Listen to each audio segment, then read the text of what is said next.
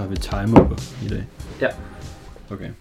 Øhm, I dag der snakker vi om Ford vs Ferrari eller Le Mans 66, afhængig af øhm, hvilket land man har set filmen i. Man har nok set den i Danmark, hvis man hører det her. Og der hedder den Le Mans 66. Og i dag har vi ikke Simon med, så det er bare mig, der hedder Mads. Og mig, der hedder Kasper. Mm, vil du starte med at lige uh, kort give et resumé af plottet, Kasper? Ja, øhm, filmen følger øhm, det her legendariske Le Mans løb i 66, øh, hvor Ford, bilkoncernen, vælger at lægge sig ud med Ferrari, fordi at det går så godt for Fords bilfabrik og sådan noget, så de skal have noget, de skal have noget marketing. Så de besluttede for at gå ind i noget racerløb andet end NASCAR og sådan nogle lidt mere amerikanske ting for at prøve at vinde på den sådan internationale scene og få noget mere publicity. Ja, det er det mest uh, unge segment, de prøver at få fat på Ja. uh, med racerbilerne. Øhm, der hyrer de så øhm, Shelby. Car- Carol Shelby, Carol. som er um, han vandt Le Mans i øhm, 1959 og har så efterfølgende fået nogle problemer med hjertet, så han er stoppet med at køre race, men han er begyndt at producere og sælge biler. Ja, Øhm, han har, han har hans eget firma, sådan Shelby American, Ja. som så bliver samarbejdspartner med Ford. Og han får så hjælp til at bygge den her racerbil for Ford af racerkører Ken Miles, som tidligere har kørt for Shelby American. Øhm, ja, det er vel egentlig det, der Ja. sker i filmen. Altså så øhm, følger man de første par løb sådan op til Le Mans, hvordan det går, hvordan det går ikke så godt i nogle af dem, hvordan det begynder at gå bedre, og så kulminerer filmen i, Ja, der er også sådan lidt forventeligt nogle uh, gnidninger ja, hen ad vejen. øhm, men slutter i det her Le Mans løb i 66, og hvordan det går med det. Jamen, øh, jeg synes, vi skal starte med at tale om øh, skuespillerne. Og der synes jeg, det kunne være godt, hvis vi opdeler det sådan i øh, skuespillerne, som i hvordan de ligesom øh, gjorde deres arbejde, og så ellers karakterdesignet. Fordi det kan for eksempel godt ikke være en skuespillers skyld, at hans karakter er mega dårlig, men derfor har han jo stadigvæk gjort det godt, kan man sige. Men kan man ikke, sådan, kan man ikke meget hurtigt skære det over i en kamp og sige, at man, jeg synes ikke rigtigt, at der var nogle dårlige performances i filmen. Nej, det er jeg nemlig også enig i, Fordi at det, det kan vi ret hurtigt skrive. så kan vi jo bare fyre forbi det, og så begynde at snakke Ja, om det var nemlig det, jeg ville starte med at sige, at ja. jeg synes ikke rigtigt, det var at snakke om skuespillere her, fordi de var faktisk alle sammen bare rigtig fine. Men jeg synes ikke, der var nogen, der skilte sig sådan ud til at være særligt dårlige, Hmm. eller særligt gode. Det hele var faktisk bare sådan okay. Og det er jo måske lidt en skuffelse øh, Ja. ja. for sådan nogle bangers som øh, Matt Damon og Christian Bale. Men Ja. ja. jeg Jeg, var altså, jeg altså synes, de begge to var gode. Ja, altså jeg synes, det var fint, men det var ikke sådan noget, jeg virkelig var sådan imponeret af. Um, men det kan måske også have noget at gøre med sådan karakterdesignet. Jeg så også nogle kommentarer fra nogen, der sådan var fra de steder, hvor nogle af de sådan mere regionale karakterer skulle også være kommet fra. Ja, Øhm, øh, Christian Bales karakter, ja Ken Miles. Ken Miles, skulle komme fra et eller andet, en eller anden lille småby, Ja, i England, og der læste jeg en Reddit-kommentar fra en bruger, der også kom derfra, og han sagde, at han synes hans accent var spot on, og han brugte også noget meget regionalt slang et par gange. Ja. Øhm, Det er selvfølgelig svært at sige, når man ikke selv kommer derfra, men ja det, det er jo nok sådan meget godt. Og Ja. altså på den front, der har jeg egentlig heller ikke som sådan noget kritik til filmen. Det, altså, det er igen deres accent. Jeg synes, det lød lidt mærkeligt. Jeg kunne ikke helt placere dem. Altså, jeg kunne ikke finde ud af, om de skulle tale britisk, men bare var sådan lidt dårlige til at tale britisk. Jeg synes, det var sådan lidt mærkeligt. Men jeg ved også, at jeg er dårlig til at høre accenter, så jeg antog bare, det er sikkert fint. Men jeg synes faktisk, at Ken Miles, og så hans kone Molly, og så deres barn Peter, jeg synes, de alle sammen snakkede lidt forskelligt. Og Peter synes jeg faktisk lød britisk, og de andre måske sådan lidt mere skotske eller sådan noget. Og så var jeg sådan lidt, det er lidt mærkeligt i en familie, men der var ikke sådan rigtig noget, jeg synes gjorde noget. Nej. Um, starter med uh, Carol Shelby, som er spillet af Matt Damon. Jeg synes, uh, hans karakter var rigtig god. Jeg kunne godt lide, hvordan de sådan portrætterede hans forståelse for egentlig begge de her to verdener, som de prøver at skildre. Han var jo både på Ken Miles' side langt hen ad vejen, men han havde jo også den her forståelse for forretning, og han kunne jo også godt samarbejde med Ford, også selv når han ikke havde lyst til det. Ja. Øhm, der synes jeg, at, at hans karakter, den, den var så god langt hen ad vejen, og det var en, jeg kunne forstå, og jeg kunne forholde mig til, fordi han opførte sig meget, hvad man skal sige, rationelt, men sådan, man kunne godt forstå de motiver, han var drevet af, og nogle af de beslutninger, han tog. Og det synes jeg er særlig vigtigt. Det er altid vigtigt i alle film, men i den her film, hvor den er autentisk, så er det altså også meget vigtigt for mig som ser, at jeg ikke begynder at blive skeptisk over for, hvad er det, de fortæller De opfører sig og gør ting, som folk ikke ville gøre i virkeligheden. Ja, lige præcis. Så bliver det ekstra slemt. ja, så, det, så er det ekstra skidt, hvis det skulle Ja. være sket i virkeligheden. Jeg synes også, vi bliver introduceret godt til, øhm, altså, hvad hans, hvad hans baggrund er for at være god til de her ting. Ja. Fordi man kan sige, det kan godt være, at han er god til at bygge biler, fordi han har en forståelse for biler. Vi starter jo med at se ham som kører racerkører. racerløb, ja. Ja. Øhm, men at vi så også øh, ser ham sådan stå og sælge lidt, og Ja. at der egentlig er gået nogle år mellem, at han selv har kørt race, og til at Ford øhm, Jeg kan godt lide, at de sådan tog os lidt igennem sådan en, en kort montage af hans, nærmest hans storhedstid, og så hans fald af ligesom, at nu er han... det, det gør, at vi ligesom har en forståelse for, hvorfor han egentlig kan finde ud af det her business-stof Ja. senere hen. Og det Og- synes jeg er meget nice. Og det gør også rigtig meget, altså jeg synes, han er meget forstående over for øh, Ken, hvilket jeg rigtig godt kan lide, fordi altså, det er jo øh, en meget farlig sport, de øh, er indenfor, og han har også noget forståelse for, at der er det her drive i Ken, som han jo på en måde gerne vil støtte ham i, men han har også den her forståelse for, at, at det er det er ikke uden risiko, det øh, som øh, han beder Ken egentlig om at gøre. Altså det, det er nogle farlige køretøjer, han bliver sat ind i, og som han egentlig er, er testpilot for lige med. Ja, altså han får også alt, kan for altid at vide, at han skal bare han skal gøre det, han føler. Ja, altså, altså han, Han får, får at vide nogle gange, okay, du må ikke køre hurtigere end det her, fordi så kan det være, at bilen går galt. Men så, når de sådan beslutter sig for, at de rent faktisk skal teste, om den kan køre hurtigere, så siger de, du Ja. skal gøre det, hvis du føler for Ja, det. han har meget tillid Ja. til Ken, og det, det kan jeg rigtig godt lide. Øh, men det var faktisk næsten slut for det, fra min side, af positive ting, når det kommer til karakterer. Fordi jeg synes faktisk, Shelby har den eneste karakter, jeg egentlig synes var troværdig i hele filmen. Hmm. Øhm, den næste, der nok er oplagt til ham, det vil så være Ken Miles, øh, spillet af Christian Bale, som er han hovedpersonen? Det ved jeg ikke helt, eller er det... Jeg føler, han er hovedpersonen. Ja, så det er nok ham, der er hovedpersonen. Jeg synes Jeg godt nok, han var alt for sur, og han var overdrevet hissig, og han var faktisk bare en diva langt hen ad vejen, følte jeg. Og det synes jeg slet ikke var troværdigt. Jeg synes bare, han var det, fordi filmen ville gerne have noget mere, sådan nogle spændinger mellem folk, og det var så Ken Miles opgave at levere det.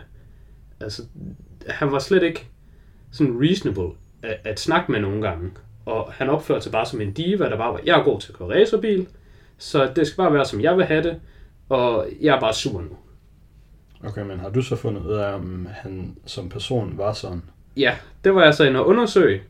Igen, altså det var bare nogle kilder på nettet, så hvor troværdigt er det. Men at det skulle efter sine være blæst lidt op, netop for at skabe de her spændinger i filmen. Okay. Og det synes jeg er meget skidt, fordi det var også det, jeg følte i filmen. Selvfølgelig, hvis man ikke føler det i filmen, så er filmen måske god for en. Men der begynder troværdigheden for mig nemlig bare at forsvinde. Og det synes jeg er enormt skidt, når den her immersion factor, den forsvinder i en film. Fordi jeg troede virkelig lidt på, hvad jeg blev præsenteret for.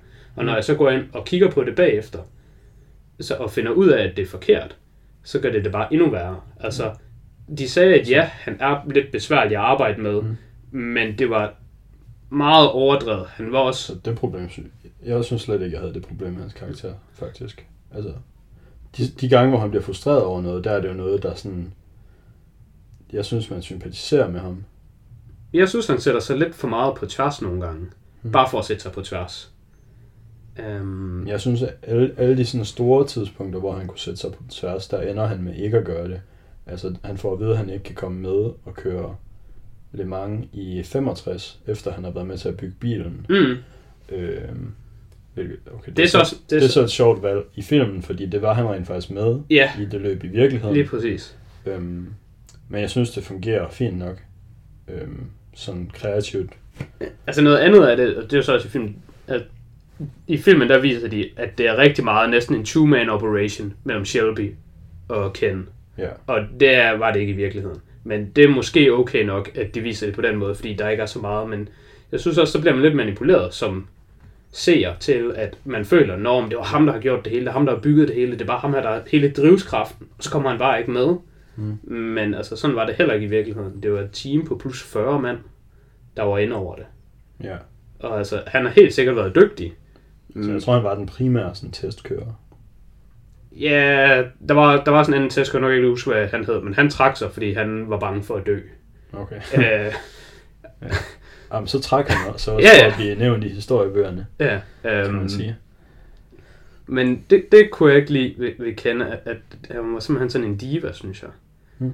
Og det samme, det følte jeg med øh, Bibi-karakteren. Bare den anden vej rundt. Øh, spillet af Josh Lucas. Ham der, jeg har opdelt det sådan i, der er to suit guys. Ja. Vi har Good Guy, som øh, er lige La Coca. Eller Aya Coca. La Coca. Det, nej, det er et I til at starte. Er det et I? Okay. Aya Coca. Ja. Spillet af, jeg kender ham bare som The Punisher. Uh, John Bernthal. yes. Og jeg tror, at ham er der mange, der godt kunne lide. Men ham kunne jeg altså heller ikke specielt godt lide, fordi han var bare så endimensionel. Og han var der nærmest bare for at være et modstykke til Bibi, som også var endimensionel. Det er rigtigt nok. Øh, og Bibi, synes jeg, var virkelig, virkelig næsten nedladende skrevet og præsenteret for os som seere. Fordi han var bare en tegnefilmskurk. Ja. Det, som der var med Bibi, det var, at de havde ligesom brug for at have en skurk i den her film. Og det kunne ikke rigtig være Ferrari, fordi det skulle være et eller andet internt. Det skulle være hele den her proces med at bygge noget. Ja, altså Enzo var også, Ferrari Enzo var også lidt... Han var lidt skurken, ja. Skurk. Men han var bare sådan mere modstanderen. Enzo Ferrari, vel sagt. Ja. Men han var mere sådan en modstander, end han var sådan en, altså han var en konkurrent. Det er rigtigt. Øhm, og det jeg synes, der var med Bibi, det er, at han er jo en forretningsmand, og han var trods alt meget højt op i hierarkiet inde i Ford. Det kan godt være, at jeg tager Ja. lidt for meget hans side nu, men jeg vil altså antage, at han er en okay forretningsmand. Og jeg synes bare, at han blev præsenteret mm. som en emotionelt drevet halvhjerne, som ja. Pøblen bare Men- kunne lappe i sig. Men det er så lidt sjovt, fordi jeg tror, at den virkelige historie om ham, den er mere, at han ikke var sådan aktivt prøvet at sabotere øhm, Shelbys operation, men Ja. han bare var inkompetent. Så ja. jeg ved ikke, om det havde været bedre at portrættere ham på den måde, for Det ville det helt, helt klart have været for mig, fordi jeg følte nemlig, at det der var problemet, grunden til, at han var overhovedet ikke en troværdig karakter for mig, fordi han er altså en forretningsmand. Ja. Og den måde, de præsenterer ham i filmen, der får han selv lyde som om, at jeg vil hellere have, at det går dårligt for Ford ja, af personlige årsager, fordi jeg bare er sur over at ikke få min vilje. Og det er altså ikke særlig forretningsmandsagtigt. ja, Og der var lige et tidspunkt, hvor at jeg virkelig følte, at åh, nu er den her karakter, nu redder de ham, nu er det godt. Og det hvor han siger sådan et eller andet i stil med, det var, at han, han vil ikke have, at Ken Miles øh, skal køre bilen, fordi han siger, at det kan godt være, at Shelby han har været at, øh, hvad hedder det, forsvare ham. Og så siger han, jamen, hvis du vil have, at vi vinder, så Ken Miles is your man. Og så svarer han så til det, jamen det kan godt være, at han vinder, men jeg er så også interesseret i, hvad der sker, efter vi har vundet. Hvis der kommer en journalist hen med mikrofonen til ham, hvad siger han så om bilerne bagefter? Og det synes jeg, det kunne være en helt vildt interessant måde, at ligesom gøre ham til skurken på den måde, ved at sige, jamen Shelby og Kens mål, det er at vinde Le Mans. ja, Og de vil bare komme på førstepladsen. Så, så har de vundet. Men for Bibi, der handler det ikke om at vinde Le Mans. Det handler om at vinde folket. Så kan man så mene langt hen ad vejen, hvis du vinder Le Mans, så vinder du også folket. Men det er alligevel to forskellige mål. Man kan opnå dem på samme måde. Men det havde altså været helt vildt godt, hvis de havde portrætteret ham på den måde. Men det synes jeg ikke, de gjorde. De portrætterede ham bare som om, at han var hævngærig og barnlig. ja. Altså i virkeligheden, der, eller, der er nogle ting, der sker i filmen. Der er på et tidspunkt, hvor han øh, prøver at sige til øh, Ken Miles, at han ikke må køre mere end 6.000 rpm. Mm. Øhm, fordi at han vil have, det, i filmen virker det som om, han vil have Ken, Ken til at køre langsommere. Ja. I virkeligheden, der var det, der skete det også, men det var fordi, at i løbet for inden, der var en masse Ford-biler, der var udgået, fordi de havde kørt dem for hårdt, så de var gået i stykker. Ja. Så det var bare det, han var bekymret for, at ville ske, og derfor han bad Ken om at køre langsommere. Det har jeg nemlig også været, været inde, og læse, og det, det underminerer mig også rigtig meget karakteren, fordi det igen Vi har hans motivation til at være, uh, kender dum, jeg vil ikke have, han vinder. Det er sådan, Ja. ja. er fremstillet i filmen. Men i virkeligheden, så var han jo bare interesseret i, at der skal ikke, der skal ikke dårlig PR på Fords tallerken. Og det, det kommer der jo ved, at bilerne går i stykker, eller hvis, hvis der sker et eller andet uheld eller sådan noget. Og jeg synes, det er så simpel en ting. Og jeg synes egentlig bare, at den her karakter, han er bare lavet, fordi han er fornemt et mål. Det er simpelthen ja. fornemt for folk, der sidder og så filmer bare sådan, uh, uh, sådan en rig forretningsmand, han er bare dum. Ja. Han tænker bare kun på sig selv. Altså den der typiske, jeg hader min chef, fordi uh, jeg er faktisk meget dygtigere end ham, men han er, bare, han er der bare, fordi han bare er der, men faktisk så er han inkompetent og dum og dårlig. Altså den der, jeg hader min chef, typer, føler jeg virkelig, at Bibi er bare skrevet for at læfle for. Ja. Og så kommer modstykket nemlig øh, med Lee, som bare er sådan, Nå, men jeg er bare good guy.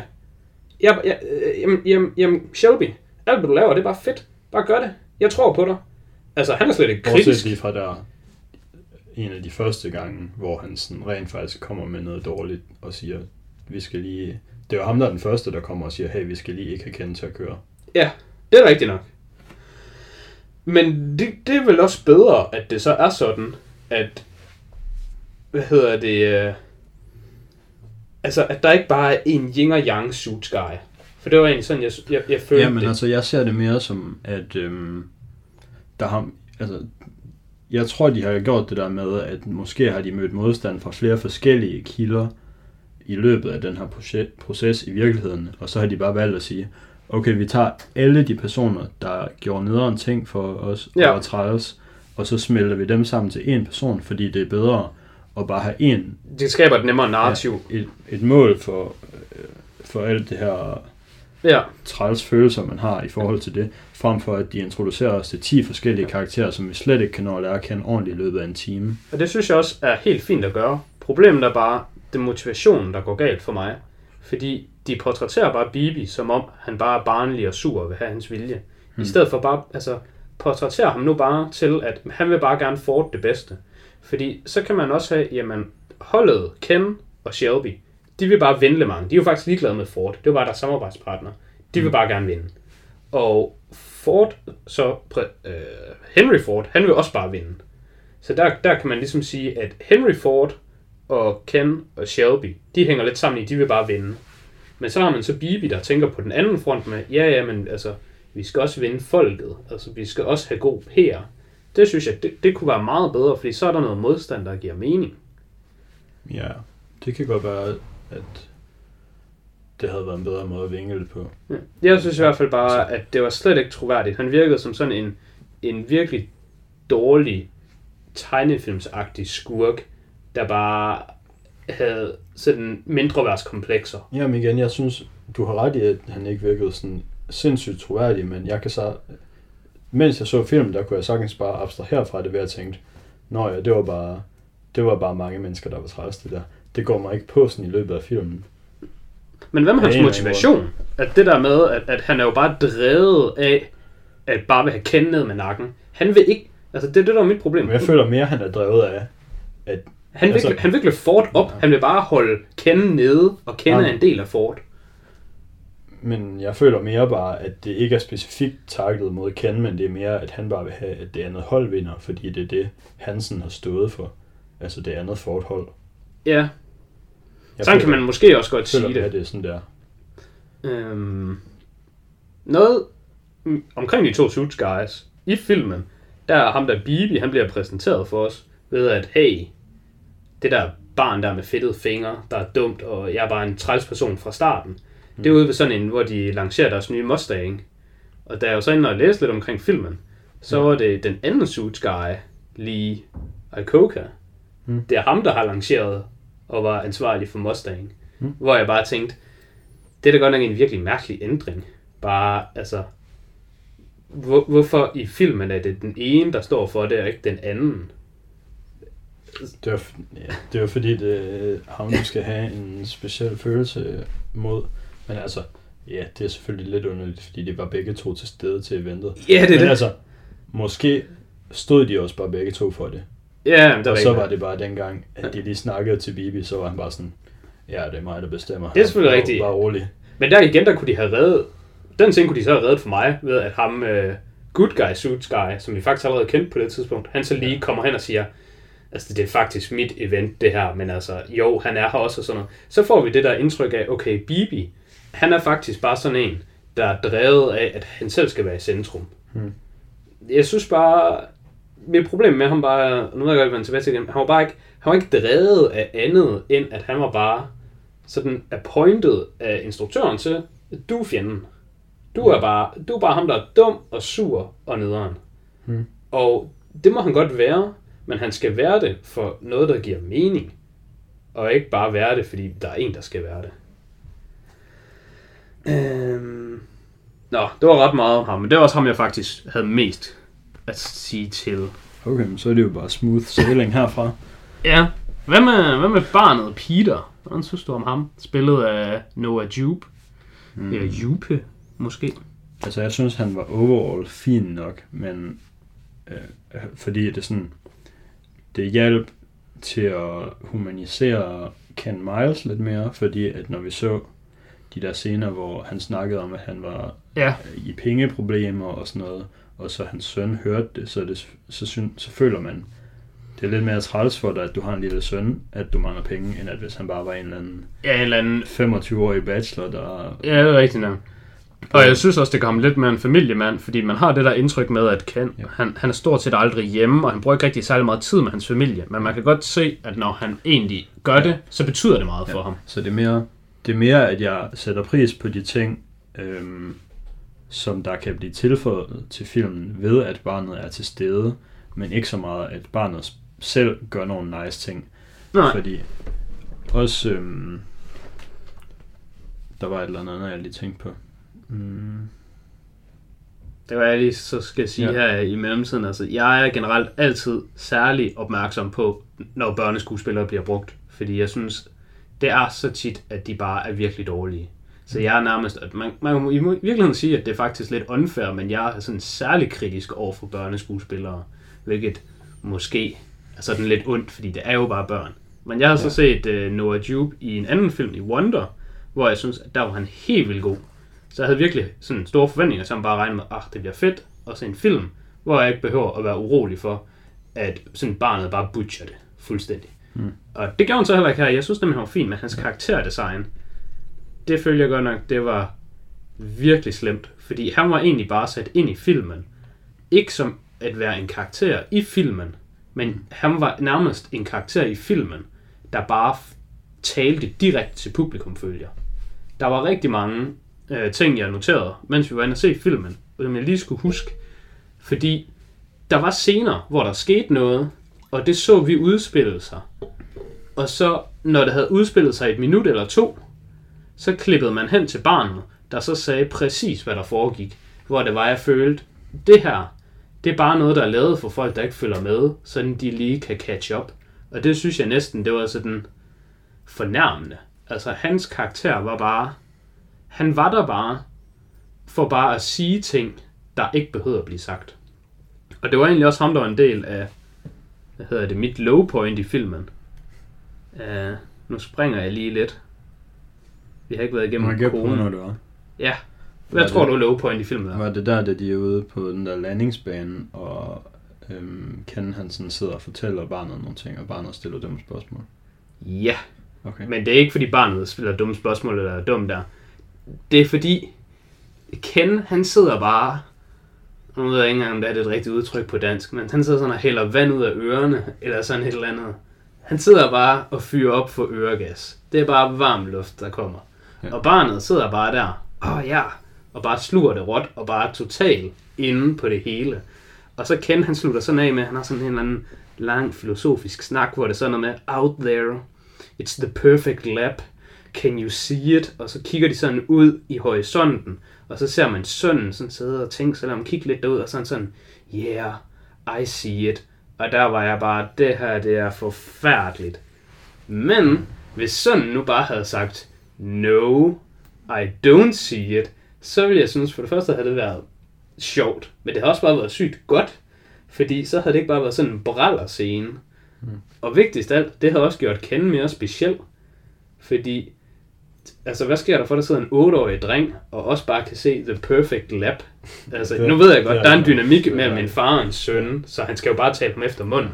Men der var jeg godt nok virkelig bare sådan, den her scene, øh, den er bare, øh, den Ja. gør ikke godt Det var- for noget. Det var, det var faktisk også mit low point af filmen, det er den samme scene, men jeg synes faktisk, det er sådan, at det der kommer lige inden, der er det værste ved den scene, fordi der sidder Ken bare sådan og forklarer, altså sidder han ikke bare sådan og forklarer, hvordan bilen virker og sådan noget. Og så Jo, jo. Sådan, Og okay, det, det her ved vi jo godt. Vi har fået det forklaret i løbet af filmen, plus at Og- og det- ved måske godt, hvordan en bil virker. det er lige præcis det, der faktisk er med Peter, altså barnet i Men filmen. jeg synes, jeg synes, det her det er det eneste tid, eller det her var det eneste tidspunkt, hvor det for mig var sådan i overkanten. Der er de andre, der er, der er selvfølgelig nogle andre gange, hvor jeg tænkte over det, hvor de sidder derhjemme, og han har lige fået at vide, at han skal øhm, overhale, øhm, eller man Der- har der- set. Der hvor Shelby kommenterer, så siger han, not yet, not yet, er det det? Nej, nej, det synes jeg er fedt. Okay, Men der, hvor de sidder, øh, moren og Peter sidder og ser Le Mans, ja, og øhm, Kennedy har været i pit og er blevet overhældet af ham Ferrari Ja. køren.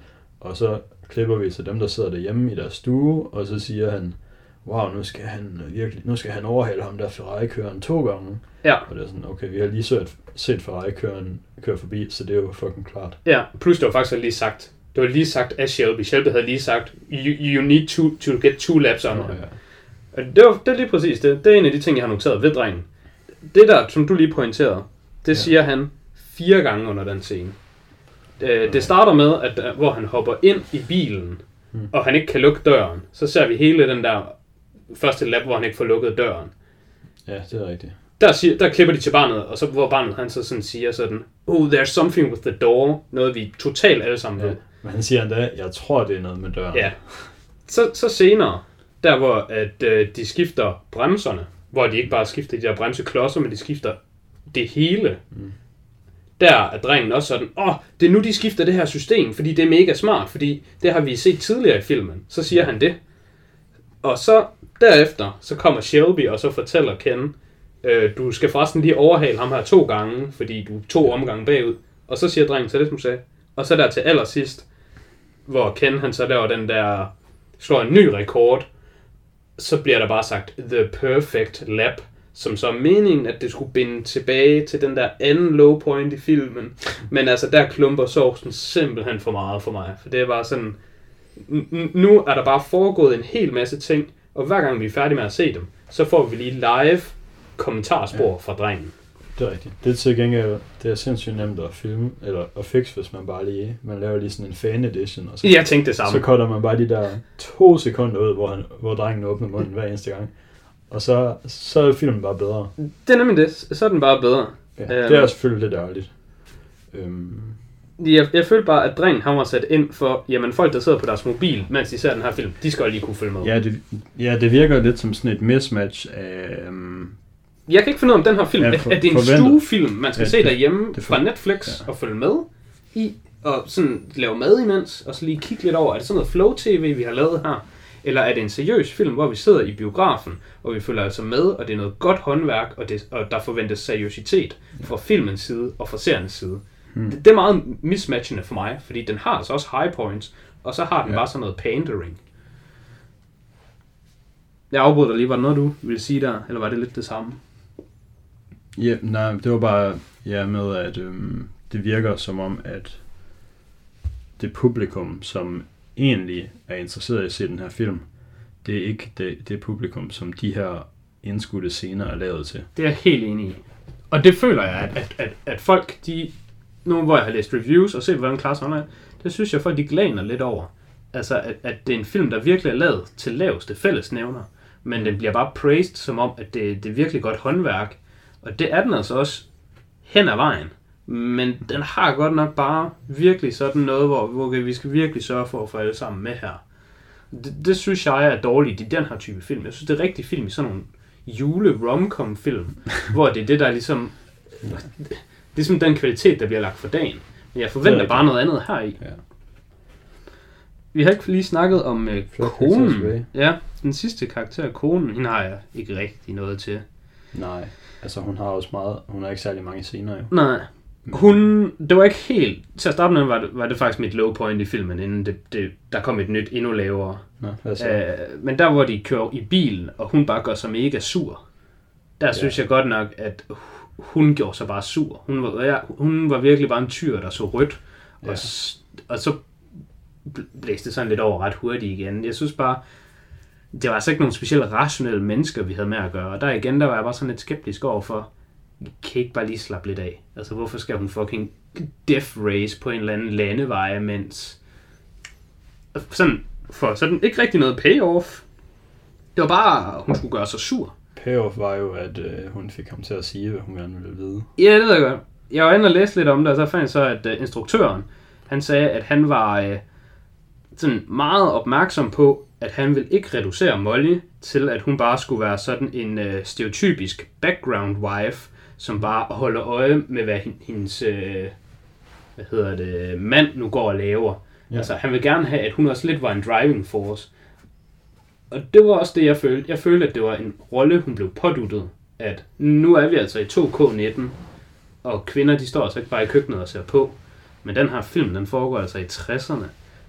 Jeg ved jo ikke noget om, hvordan hun i virkeligheden var, men jeg, jeg var bare lidt bekymret om, når selve instruktøren siger, at han var meget bevidst og meget opmærksom på, at konen ikke måtte fremstå som sådan en, der bare var sådan Ja, altså Behind jeg synes the også, jeg synes på en måde, det der var, altså det var den eneste af sådan, de slemme scener, hun havde. Det var det nemlig også for, for mig. Det, Fordi jeg så- synes, hun var meget nice der, hvor hun, øhm, Ja, og hun der, var også bilinteresseret og sådan noget. der hvor man ser hende første gang, og hun kommer over i garagen, ja. Ja, ja, ja det var der rigtig synes jeg, fint. hun virker super fint. Og så der senere, hvor han sidder ude i den store hangar og hører Le Mans på radioen, og hun Ja. kommer. Jeg er også helt enig i, at, at hun var rigtig fin. Men den der scene, den føles nemlig bare for mig som om, at vi skal lige have et eller andet strong female representation shoved in der. Ja, det kan godt være. Det var altså ret skidt, synes jeg. Ja, Men ellers så har jeg ikke noget at sige til hende. Jo, hendes accent synes jeg var lidt mærkelig, men det tror jeg sgu mere, det er mig, der er dårlig til at høre accenter. Jeg er, jeg er sikker på, at... altså måske var den fin, men så var den ikke sådan... Så passede den ikke lige geografisk med at komme fra præcis samme sted, som Christian Bale skal. Nå, ja, ja. Og så er der sådan en form for mismatch der. Det kan, ja, altså... Der, der sætter jeg ikke rigtig noget tvivl til det. Det ved jeg, jeg er dårlig til at høre. Ja. Men det var egentlig sådan alle karaktererne. Vi har ikke lige været igennem Henry Ford. The douche. Men Nej, altså, jeg synes faktisk, overall han var meget god. Den der Jeg kunne scene, hvor at Shelby tager ham med ud at køre, den var super nice. Ja, udover at den ikke eksisterede forresten. Hvorfor eksisterede den ikke? Øh, fordi, nå, altså det gør den i filmen, men ja. Det er ikke en rigtig scene. Det gør ikke scenen min... Altså, Jo, men det gjorde ikke scenen mindre nice, mens man så den i hvert fald. Ja, ja. Men det, den kommer vi lige ind på, fordi jeg har, jeg har sådan en samling af noget, vi lige kan snakke om her lidt senere. Men ja, jeg synes både skuespilleren, han, han gjorde det rigtig godt af karakteren. Af, af supporting characters, der var det ham, jeg bedst kunne lide. Ja. Og det var også fordi, de holdt ham så simpel. Altså hans motivation var, han ville bare vinde, og han må godt have det personligt. Ja. Han måtte gerne have den der personlige attachment til, jamen vi skal bare vinde. Ja. Fordi for ham var der sådan noget personligt involveret. Han var jo ligesom blevet fornærmet af Ferrari. Jeg synes, den der krigsmonolog, han havde, den var sindssygt fed. Den var virkelig hype. Nå, Der, ja. hvor han siger, Ja, det var fedt. at det ikke var den amerikanske... Det var ikke. Amerika, der vandt 2. verdenskrig. Ja, det var... Det var den der lille fabrik dernede, der pumpede sådan noget 40 krigsfly om dagen. Ja, ja. Han var altså god. Ja. Men ja, han var jo netop også god, fordi du følte, at hans motivation var, at, at han var den personligt investerede. Ja, den var meget sådan pure. Ja, og det var altså rigtig godt. Ja. Han, han får ros for mig, både skuespiller og karakterdesign. Det var altså mm. godt gået. Øhm, cinematografien, Jeg synes, den var virkelig flot. Især om alle racerløbene. rigtig godt lavet. Ja. Det er klart, klart det bedste ved filmen for mig. Og jeg ved, at der de er også- ikke noget at sætte finger på. De har også haft sindssygt mange rigtige biler ude. Og sådan kørt med rigtige racerkørere. Ja, jamen, man kunne virkelig godt mærke, og det er nemlig derfor, der, der er den der mismatch med, hvordan, hvordan kan den her film bare være så godt lavet og være så fed Mm. på den ene side, og så har vi bare sådan en dreng, der bare papegøjer det hele Ja. på den anden side. Fordi Ja. cinematografien, den var altså virkelig god. Ja. Jeg var læse lidt om noget med, hvor meget af det var CGI, og hvor meget af det var rigtige biler. Jeg kunne ikke sådan helt finde noget på det, men det må jeg være om, det, det går jeg heller ikke så meget op i. Ja, altså, så- slutproduktet var sindssygt godt. ja, hvis man ikke kan se det i CGI, så er det selvfølgelig ligegyldigt. Ja, det er det. Men jeg tror, at de havde... de havde mange rigtige biler, uden at der bare var de der scener, hvor de kører, og ja. så er det selvfølgelig klart, at alle crashene var fuld CGI. Ja, det er klart. Jeg mener også, Øhm. at, at der stod noget med, at det var faktisk oftere publikum, der var CGI, end det var selve bilerne. Ja, publikum er nærmest altid CGI. Ja. Øhm, Og det kan man jo sige, det var fint nok, fordi det var bare en baggrund. Ja. Så, så, så at gøre det på den måde er, jo rigtig fint. Ja. Cinematografien Ja, ja, synes jeg så- klart var det så- bedste ved filmen. så tror jeg tit, de gør det, hvor de tager en sådan mere moderne racerbil, og så skralder de den bare basically, og så Ja. bygger de bare, Ja, ja. tager de bare, bygger bare en matchende skal af en af de gamle biler. Ja, Altså, de kørte ikke nogen rigtige Ford GT40 i filmen. nej, okay. Øhm, Men det gør jo heller ikke noget. Altså, Nej, altså det er det, det filmske udtryk var bevaret, Ja. og, og det var altså bevaret rigtig godt. Jeg synes også, det spillede rigtig godt sammen med øh, lyden, som også, altså virkelig, den, den var altså også helt i top under Ja. de der racerscener. Jeg synes, der var nogle gange, hvor jeg sad og havde sådan et sug i maven, Ja, hvor man var sådan helt, Ja, og man det følte jeg- sgu, at man var med. det synes jeg faktisk både var på grund af lydeffekter og på grund af soundtracket. Ja, Det er jamen, musik, det... der er kørt til begge de major racerløb, både hvad var det første Daytona, det, ja, det, det, som han skulle vinde for at få lov til at køre Le Mans, ja. hvilket han i øvrigt ikke skulle i virkeligheden. ja, der har været en del med de der race. Det, det allerførste race, der hvor øh, Shelby møder Ken og sådan noget. Ja, Ja, det, det fandtes slet ikke i virkeligheden. Det var bare noget, de lige puttede ind i filmen. Bare Ja. lige sådan, der kunne være noget character development. ja han havde vist kørt for dem i et par år der i forvejen. Ja, yeah, ja. Yeah. Men sådan nogle ting er måske okay, ja. Men Ja, du har ret i, sådan racerløben, de var altså virkelig gennemført. De var rigtig godt lavet. Der, der synes jeg virkelig, at øh, sådan, Altså sådan, øh, lydafdelingen har gjort det på, godt. hvis jeg skal rate filmen på, hvor hype den sådan high point af hype var, Det er rigtigt. så ender den nok nummer to for mig i år. Lige, bag, lige bag ved Endgame. Ja, den, den, den har haft nogle, nogle, nogle rigtig fine på. Men desværre så synes jeg ikke, ligesom med cinematografien, som jeg synes var god hele vejen igennem, Mm-hmm. så har jeg altså også noget kritik til lyden. Øh, Ja. Og jeg har tænkt lidt over det, men jeg kan ikke rigtig komme på en bedre måde at beskrive det på, end sådan baggrundslyden var enormt kæk. Altså, Kæk? det var sådan rigtig kæk. Det var sådan en rigtig flabet musik. Der var sådan noget, Sindssygt. Men jeg kan ikke komme med andet, men det, det var sådan noget lidt banjo-musik nogle gange. Vi var ikke helt i Cotton Eye Joe-territoriet, men vi var derovre af, og det kunne jeg virkelig ikke lide. Øhm, og ved en af de scener, hvor de gør det, Mm. jeg føler nemlig, at grunden til, at jeg kan lide det, det er, at de manipulerer med os som seere, og de prøver at snyde os ind i, hvordan vi skal føle omkring nogle ting, de prøver at vise os. Okay, men det gør alt filmmusik Ja. jo. Men det, der er eksemplet her i, det er, at vi ser jo den her Ford versus Ferrari, men det er jo Ford, vi holder med. Ja. De er the good guys. Mm. Og under den der Le Mans 66, ja, der kører, de kører i 66, der er Shelby, han er en gang imellem over at lige lave nogle tricks, kan man sige. Hvor han er over at have sådan en, øh, hvad hedder det, sådan en løs møtrik, han lige smider over ved Ferrari, og så, så uh, nu ved vi ikke, hvorfor. der er sådan noget banjo-musik i baggrunden. Det er sådan, det er sådan lidt flættet. Det er sådan lidt, he, he, prøv at se, vi driller dem agtigt. Hvorimod, mm. det synes jeg bare er sådan usportsligt, og det er bare dårligt. Og hvis vi havde vist det i filmen den anden vej rundt, at det var Ferrari, der gjorde det ved Ford, så havde det bare været sådan, åh, hvad laver de, mand? Åh, hvor er det bare usportslige. Åh, skide italienere. Det er også typisk, det er bare fordi, de er ved at tabe. Men var det ikke også lige der, hvor de havde prøvet at få dem diskvalificeret for at gøre det der med at skifte bremserne? Mm, jo, det var det måske. Men det, er- før... Det er også rimelig usportsligt at prøve at få sine modstandere diskvalificeret, kan man sige. Så det Altså, på en måde, for men- Payback. Det er det jo ikke, hvis- du mener, at Ja, ja, nogen er ikke følger reglerne. Nok, det er selvfølgelig nok mere, fordi at de bare mente, at de, at de ikke følte reglerne, ja. Ja. Men også inden det, der havde han også lige været henne. Og vi har ikke lige nogen øh, s- stopuger eller et eller andet. Han var lige over at bare direkte stjæle stopuger fra Ferrari. Og igen, så kommer Cotton og Joe Banjon ind i den scene og lige fortæller publikum, at det er faktisk i orden. Fordi det, det er jo Matt Damon, det er jo my boy Matt, der bare stjæler lidt. Hey, vil du have et lommeur? Det er italiensk. Og det synes jeg ikke er okay. Jeg synes, det er sygt latterligt, at de gør det. Og det er der, hvor jeg virkelig gerne vil have en Shelby, nej, hvad hedder det, en, øh, en BB-karakter, der træder i kraft.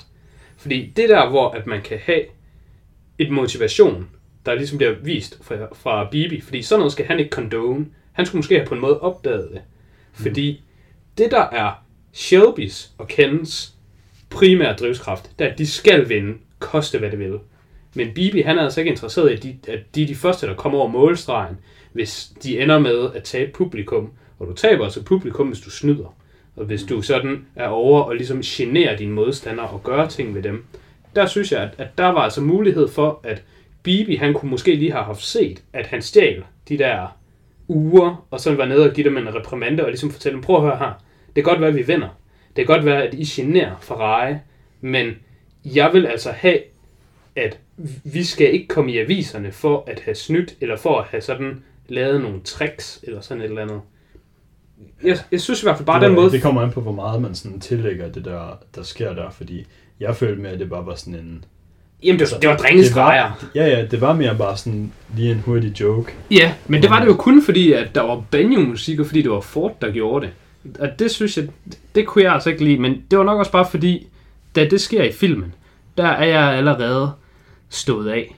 Altså filmen, den har mistet mig. Jeg tror ikke på den. Det, den præsenterer for mig, det er ikke troværdigt længere. Mm.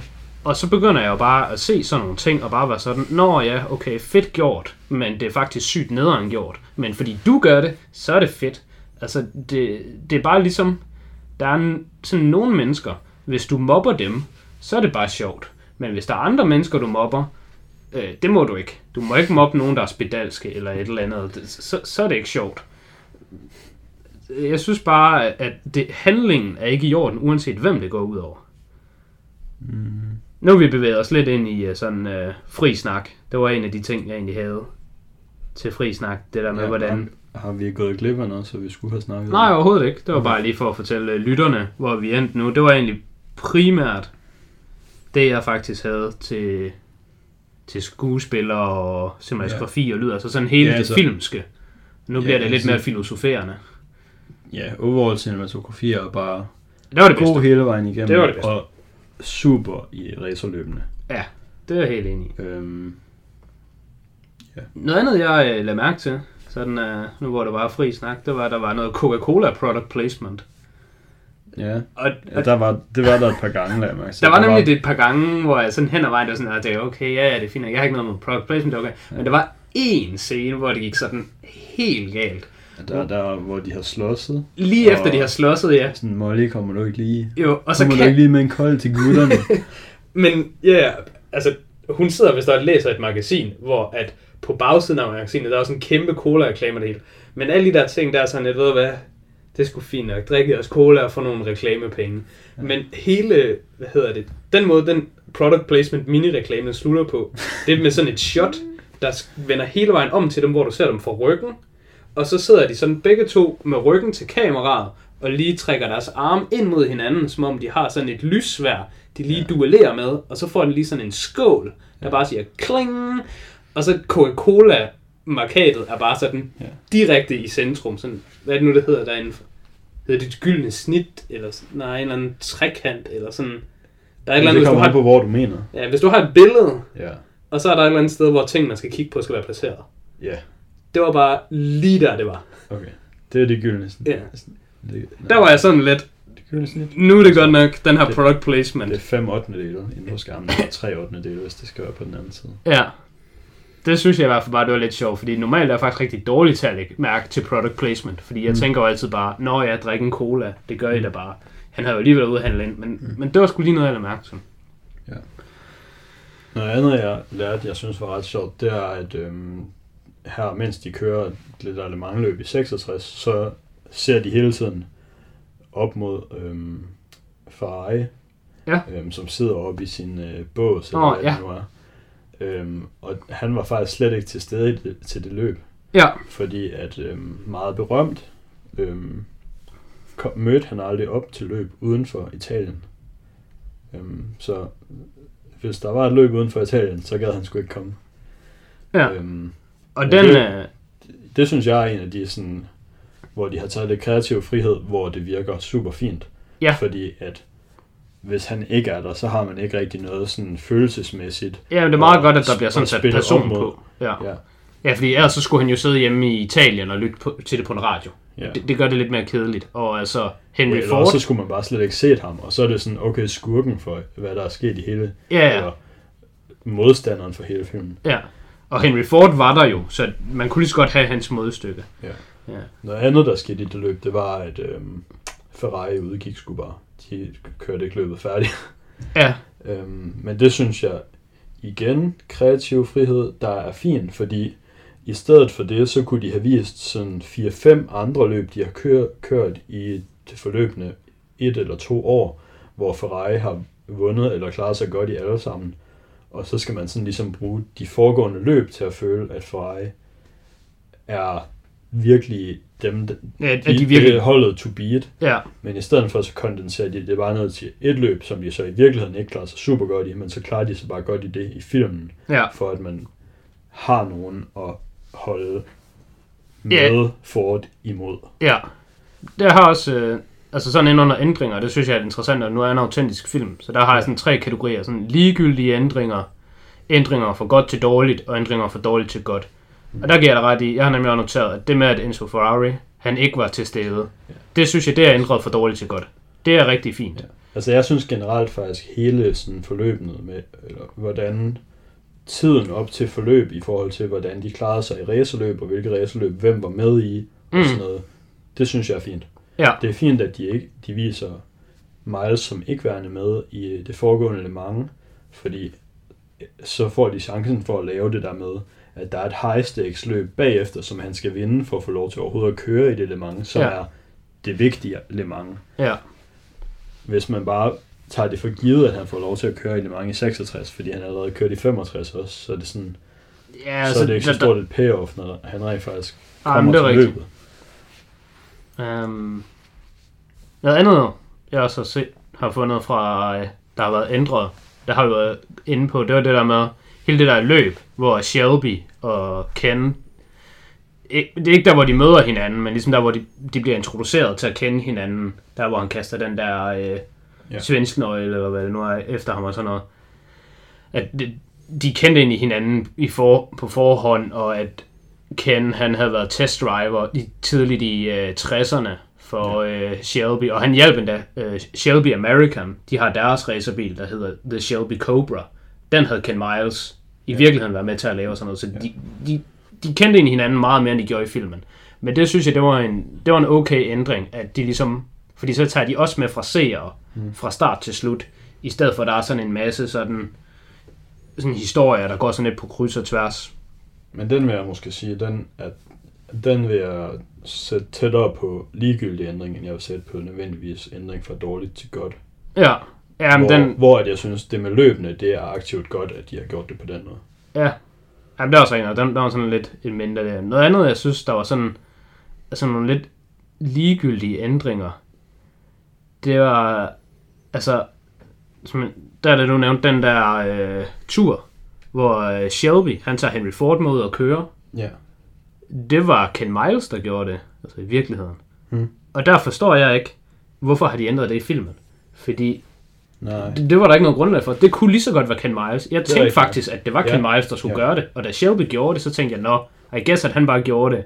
Men Men det er jo fordi, det er um, Shelby, der er sælgeren. Det er ham, der kan finde ud af at sælge produktet. Det er ham, der ved, hvad han skal sige til Ford ja, bagefter, at de har kørt den der tur. Og jeg synes jo også, det var, altså, men det, det, det jeg synes synes, jeg... det var fedt, at de viste, at Shelby han stadigvæk sådan ligesom kunne finde ud af at håndtere sig selv bag et ret, kan man sige. Ja, det, det, det vil jeg give ret i det, men, men det der med sådan at være sælgeren og sådan noget, det, det er jeg ikke helt enig i, fordi det synes jeg mere, det er bare en konsekvens af, at, at de har fremstillet Ken Miles så inkompetent med ord og med andre mennesker. Altså det eneste Ken Miles han, han kan, det er, at han kan være dygtig til at køre bil, og så kan han være en diva. Mm. Og sådan var han ikke i virkeligheden. Øhm, men nu har de jo ligesom skabt det narrativ i filmen, at sådan skal han være, så det er jo klart, at det ikke er ham, der kan lave den her scene, fordi at tale med mennesker, mm. det kan jeg ikke. Øh, Og det kunne han altså godt. Så det, jeg synes, det er lidt træls, at de sådan...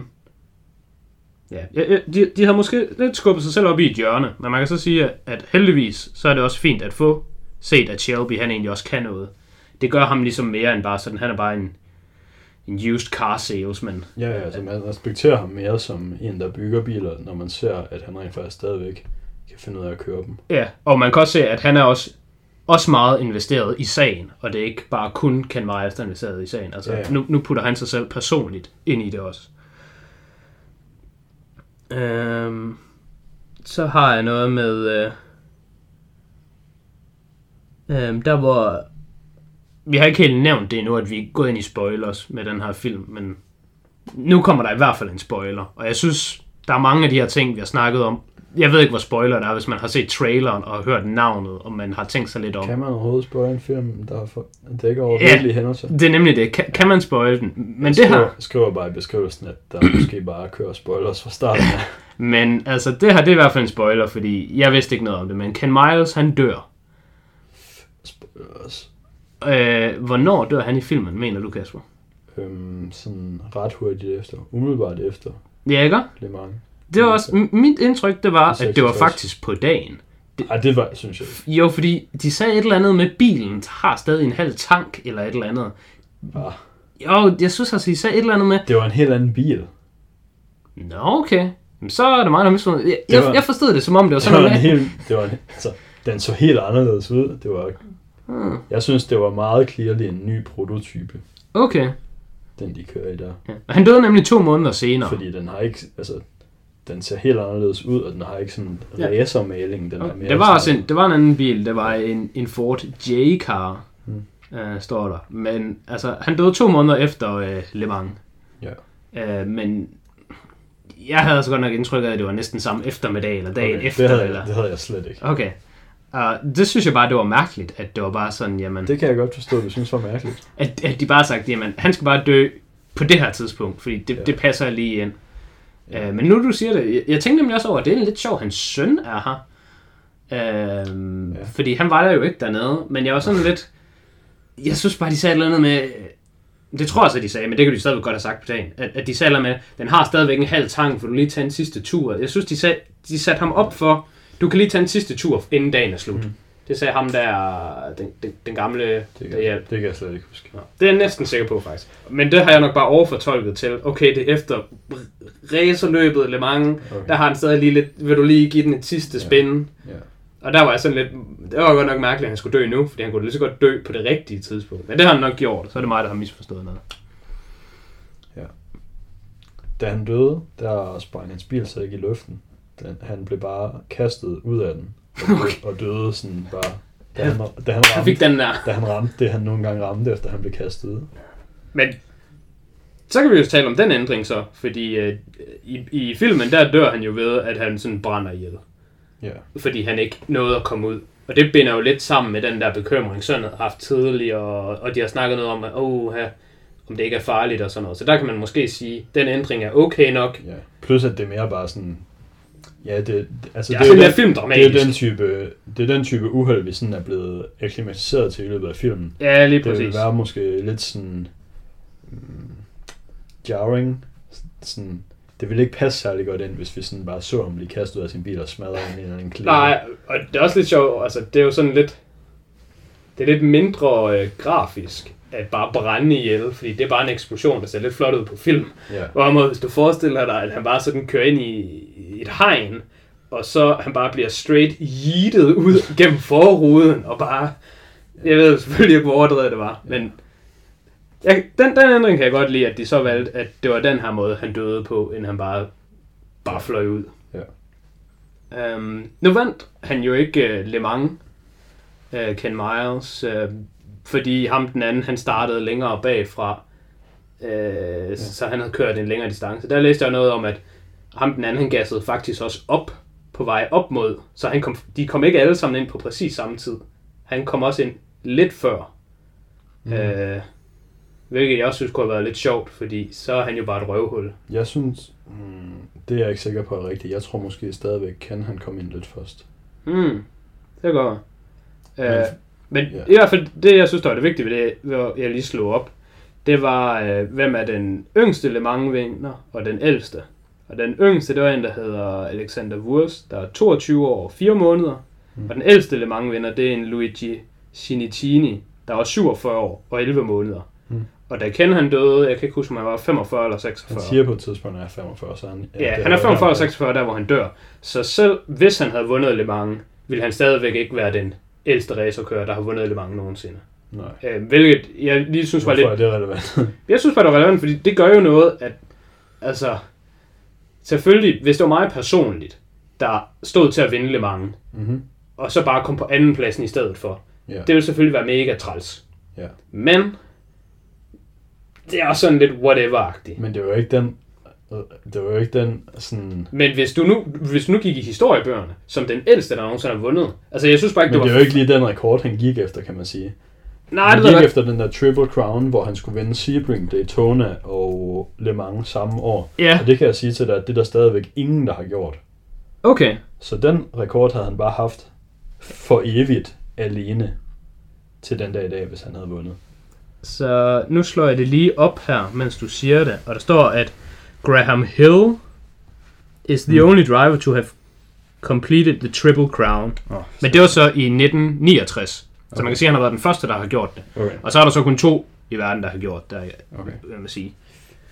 Så Så- den havde han haft. Ja, men det er rigtigt nok. Og det var den, han gik efter. Han gik efter, ikke efter at være en gammel mand, der kører racerløb. Nej, nej, altså det ved jeg godt, men det var bare fordi, jeg synes, det var ret sådan tydeligt, Det at han, at, at han... Nej, nej.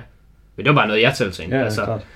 Det, det synes jeg er alligevel ret godt gået, fordi du kunne godt se, at han var ældre end de andre. Øhm, Ja, ja. Og det er altså flot at være den ældste og den yngste inden for et eller andet i, i, i sportens verden, synes jeg. Så jeg tænkte bare, altså, havde det nogle ekstra, øhm, hvad hedder det, sådan konsekvenser, at han ikke vandt? Altså jo, det er træls, han ikke vandt, men whatever, er, er det, jeg tænker. Men Okay. den anden, der har du så ret i, det er træls, han ikke vandt, fordi nu fik han ikke Triple Crown. Så er det Præcis. forfærdeligt. Ja. Men, og det var sådan, jeg tænkte, at det var træls, han ikke vandt, fordi nu er han ikke den ældste racer kører i historien. Ja. Jeg har ikke lige tænkt på det med Triple Crown, så det gør det selvfølgelig helt forfærdeligt, at han ikke vinder. ja. Men det var, altså, det var den, de havde snakket om i løbet af filmen. Ja. Men jeg, jeg, jeg vidste ikke, jeg tænkte bare, måske er det sådan noget, de bare har fundet på for filmens skyld. Ja. Øh, men det er en reel ting, kan jeg se ja. nu. Øhm, ja, jeg kan så forstå, at det var forkert, da jeg sagde, at han, Ja, der ikke var nogen, der havde gjort det siden. men det er også fordi, det er en uofficiel motorsport achievement. Ja, sure. Øh, så det er sådan, det, det er sgu bare lidt noget slang. Men altså, det har da stadigvæk været fedt. Han står så også nævnt her, nu er det Wikipedia, jeg bare kører på. Men altså, han, han står nævnt ind under at have Triple Crown, så han er, altså, uofficielt Mm. er det lidt anerkendt. Og man kan sige, Triple Crown er allerede en Man kan uofficiel... Godt, man kan godt uofficielt få en uofficiel titel. Ja, lige præcis.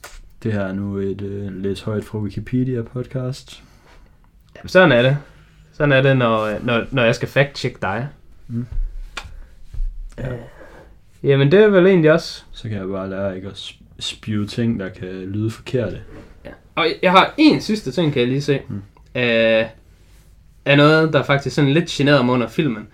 Nu har vi jo og set den i biograferne i Danmark, og jeg ved ikke, om det er fordi, den person, der har lavet undertekster, har ikke lige været så dygtig til italiensk. Mm. Men når italienerne talte sammen, så Ja. var der altså ikke altid undertekster på det. Og nogle gange, så, så sagde de bare noget, så talte de bare italiensk til hinanden i sådan 30 sekunder, og noget fyre en masse ord af. Og så kom der lige sådan en undertekst, sådan lidt senere, bare sådan, hvor der så på den står, okay, bare gør det, du ringer til ham nu. Og så er man bare sådan, jeg ved ikke, hvad de har sagt, for jeg kan ikke italiensk. Mm. Men der har altså lige foregået en hel dialog, det kan I ikke koge ned til så lidt der. Altså det var kun når italiener talte med italiener. Det var, ja. det var den der boks, hvor Enzo Ferrari og så hans main guy, de stod oppe på den der tribune og snakkede. Ja. Det var ikke, når de andre var involveret. Øhm, der havde de jo også en, en tolk med og sådan noget, men, men der var Ja, to det, var nemlig, det vil jeg nævne. Der var selvfølgelig ikke undertekster på, fordi at der skulle man bare lige vente to sekunder, og Lige så var der en, der sagde det på engelsk. Ja, og der var det helt fint. Ja. Men der var også nogle scener, hvor det bare var en italiener, der talte med en italiener. Og, og, og der var jeg sådan lidt... Det var altså lidt irriterende, at der ikke var undertekster der. Men så kom de så alligevel, men så var de bare sådan mega korte, og jeg var sådan... Jeg tænker for tit over, når, når jeg ser, når jeg Det ser kan jeg ikke ikke amerikanske film, Ja. og der ikke er undertekster til, når der kommer et, et fremmedsprog, Ja. så tænker jeg nogle gange, er det meningen, jeg ikke skal forstå dem? Eller er det bare underteksterne, der ikke er i orden? Ja, ja det kommer lidt an på... Det, ja, det, det kommer lidt an på, synes jeg, hvor man har sine undertekster fra. Jamen, det er nemlig Fordi det. hvis man ser en officiel Blu-ray release, Ja, og man bare sætter de undertekster på, der er med, så går jeg som regel ud fra, at, At der er styr på at det. jeg får den information, jeg skal. Så hvis der, det er det ikke her i undertekster, hvis der ikke er undertekster på noget, så er det meningen, at jeg ikke skal vide det. Ja. Men selvfølgelig, hvis man bare har været inde og, og finde en eller anden... Øh, en eller anden film på de syv have, som man jo gør en gang imellem, Ja, så, så kan er man nogle gange nogen- godt så- være i tvivl. så kan det godt være, at den der, Ja. der dude, der har siddet derhjemme i sin underbukser og skrevet underteksterne til filmen, Ja. han, han bare ikke lige kan sproget. Det var i hvert fald bare noget, jeg lagde mærke til, når man nu lige så den i biografen. Og der kom rent faktisk undertekster, men det var bare nogle... Jeg ved, at de var forkerte. Ja. Nå, Det var jo alt jeg om det. Lige, Skal vi runde af med... Øh, hvad for en karakter du vil give den? ja, al, altså den skarpe, det- den skarpe var det det, lytter... vil- Var det det, du ville runde af med? Ja, den skarpe lytter, han har jo nok kunne konkludere lidt, at jeg er lidt kritisk over for den her tror film. ikke- Jeg tror ikke, vi har nogen skarpe lyttere. Nej, min, min, min mor, som er den eneste, der hører den her podcast, hun ved, jeg er Tak kritisk. til Mads mor. Øhm, Skud ud. skud ud til mor Gitte, og selvom det var så forfærdeligt, så var der altså også mange gode ting. Så jeg vil ende med at give den 5 ud af 10. Så forfærdeligt. Jamen, jeg synes virkelig, der, der var nogle af karaktererne, der var helt utilgivelige. Og det var faktisk bare dårligt lavet. Jeg, jeg Wow, følte, wow, wow, at, at den her film, den var lidt fornærmende. Okay, og- jeg føler... Jeg synes, at den kunne have været lavet bedre. Jeg vil hellere have, at den bare ikke var blevet lavet, og så kunne den blive lavet senere og bare have været lavet godt. Den her film blev aldrig lavet igen. Så, så nu, nu eksisterer den bare på, på at være ikke god, så den hele vejen igennem. Mm, Jeg synes Bibi, og så Good Guy, Suits Guy og barnet, det er en helt stjerne per mand. mm, Så, det er... Det er harsh. Ja, men altså, jeg synes, at man kan... Jeg, jeg føler, at jeg kan forsvare det ret godt, og jeg ved godt, at jeg er minoriteten, for der er mange, der er meget positive omkring den her film. Mm. Men jeg, jeg, forhåbentlig har jeg fremlagt nogle valide pointer. Ja. Så kan man jo sige, hvor meget Jeg man vil synes- give dem eller ej. Jeg synes 5 er utilgiveligt. Det kunne også godt være lavere. Det kan vi godt blive enige om. Hvad? Vi kan godt give den en 4 ud af 10. Ej. Men øh, jeg, synes, jeg, jeg, jeg synes trods alt, at jeg var underholdt og havde det okay. Lavere end 6 er utilgiveligt. Ah, men hvad har du givet den? Hvad vil du? Ni. 9? Ja. Jamen altså, hvis ikke man går op i... Fire, øh, fire og en halv. Ja, hvis ikke man går op i ens karakterers motivation, så er den også god. Altså hvis man bare synes, ens karakterer, de bare skal lalle rundt, og bare opfylde et eller andet kriterie, så er den også meget god. Så det, det er jo det eneste, jeg kan sige til det. Jeg, jeg, jeg havde nok givet den perfekt score, hvis det ikke var for det der barn, der lige skulle sige ting til mig, jeg allerede vidste. Ja, men der, den er altså også slem. Men jeg synes altså også bare, at Bibi, han var, han var meget slem. Meget slem. Ja, men ja, igen, så følte det slog ikke mig så meget ud. Nej. af min øh, immersion, at han var der, fordi jeg bare tænkte det der med, at det var nok bare nogle forskellige personer, der har været træls på forskellige Ja. ja. tidspunkter. Hvad så, hvis du finder ud af, at det ikke er? Altså hvis du finder ud det har jeg jo sådan, det har jeg kind of lidt fundet ud af. Nå, men jeg synes nemlig, jeg var inde og Fordi- læse om, at, at han faktisk Altså, ja. stod for ret meget af det, så det er ikke helt Ja, det er fair, rigtigt. fair at sige, at der var mange, Det er rigtigt. der blev sat sammen i Ja, ham. det er rigtigt. Det- Så ja, det er klart, det var stadigvæk ham, der var træls mig i de her tidspunkter. Ja. Ja. Men i stedet for, at det var flere personer, der var træls, der blev sat sammen til ham, så er det bare hans motivation for at være træls, der er anderledes i virkeligheden. Ja, Fordi i virkeligheden, der var det bare inkompetens. Ja. Fordi at han blev sat, og ikke engang, ikke engang sådan nødvendigvis hans skyld, men det var bare fordi, han blev sat til at være leder for den her racer-division ja. af Ford, selvom han ikke anede en skid om racer. om det, ja, det kunne også have været en fin motivation for, for min skyld, men som, Ja. som de valgte at gøre med det nu, så var han bare en femårig dreng, der ikke måtte få en slikkepind. Hmm. Og det, det er ikke sådan, man behandler en forretningsmand af, af et multimillion dollar company. Det er jo ikke realistisk. Men jeg synes bare, den sådan følelse, jeg havde indeni, Indeni, ja, mens jeg så jeg synes de også, to sidste, mens Jeg jeg så racerløbene, Ja. den, den var bare så god. jamen det er rigtigt. Det var så fedt. Der, der var nogle gode ting. Jeg, jeg var desværre bare taget ud af det. Hmm. Så. Dårlige karakterer, det betyder også overdrevet meget for mig. Så nu mister vi både alle de lyttere, der synes filmen var god, og alle dem, der synes den var dårlig. Og jeg er forberedt på, at jeg, jeg gør mig fjender. Fordi dem, der synes den var god, de skal ikke bede om podcastet længere på grund af dig. Og dem, der synes, den var dårlig, de skal ikke bede om det længere på grund af mig. Ja, så skal vi bare have alle i verden. Alle i verden nu. Det Men jeg, jeg, ret, jeg, jeg synes ikke, man kan give Ford vs. Ferrari en super lav karakter. Bare fordi den teknisk er rigtig god. Hmm. Og den har nogle øh, sådan øjeblikke, der virkelig ja, skaber det godt. For, for mig, når man rater på en øhm, 1-10 skala, så 5 er sådan absolut minimålet, min, minimumsmålet for en, For en positiv oplevelse. nej, for en film, der ikke er skrald. Nå, Altså, hvis skuespillet er i orden, ja. og ikke rigtig, ikke rigtig andet er i orden. Altså, ja. hvis bare skuespillerne ikke virker som sådan nogle actual skuespillere, men hvis de virker som personer i en film, og hvis der ikke er sådan Ja, der er, elendige ting, der foregår, så Altså, altså, vi som at kan man jo- kan se noget af kulisserne ude Ja, i vi- baggrunden hele tiden, jeg var kode det ned Så til at den- sige, hvis så får den hå- fem. håndværket er i orden. Ja. ja. Men det er rigtigt. så får den 5. Ja. Det, det, Hvis det, alt andet er dårligt, hvis det er den værste historie, jeg nogensinde har set, men, men håndværket er i orden, så får den 5. okay, ja. For mig, så vil sådan noget der få to. Okay.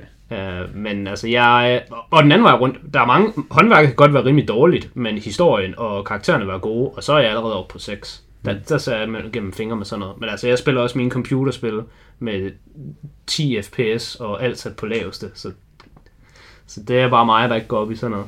Ja. Så kan vi lige miste nogle flere gamer-lyttere, nu hvor sandheden er ude. ja.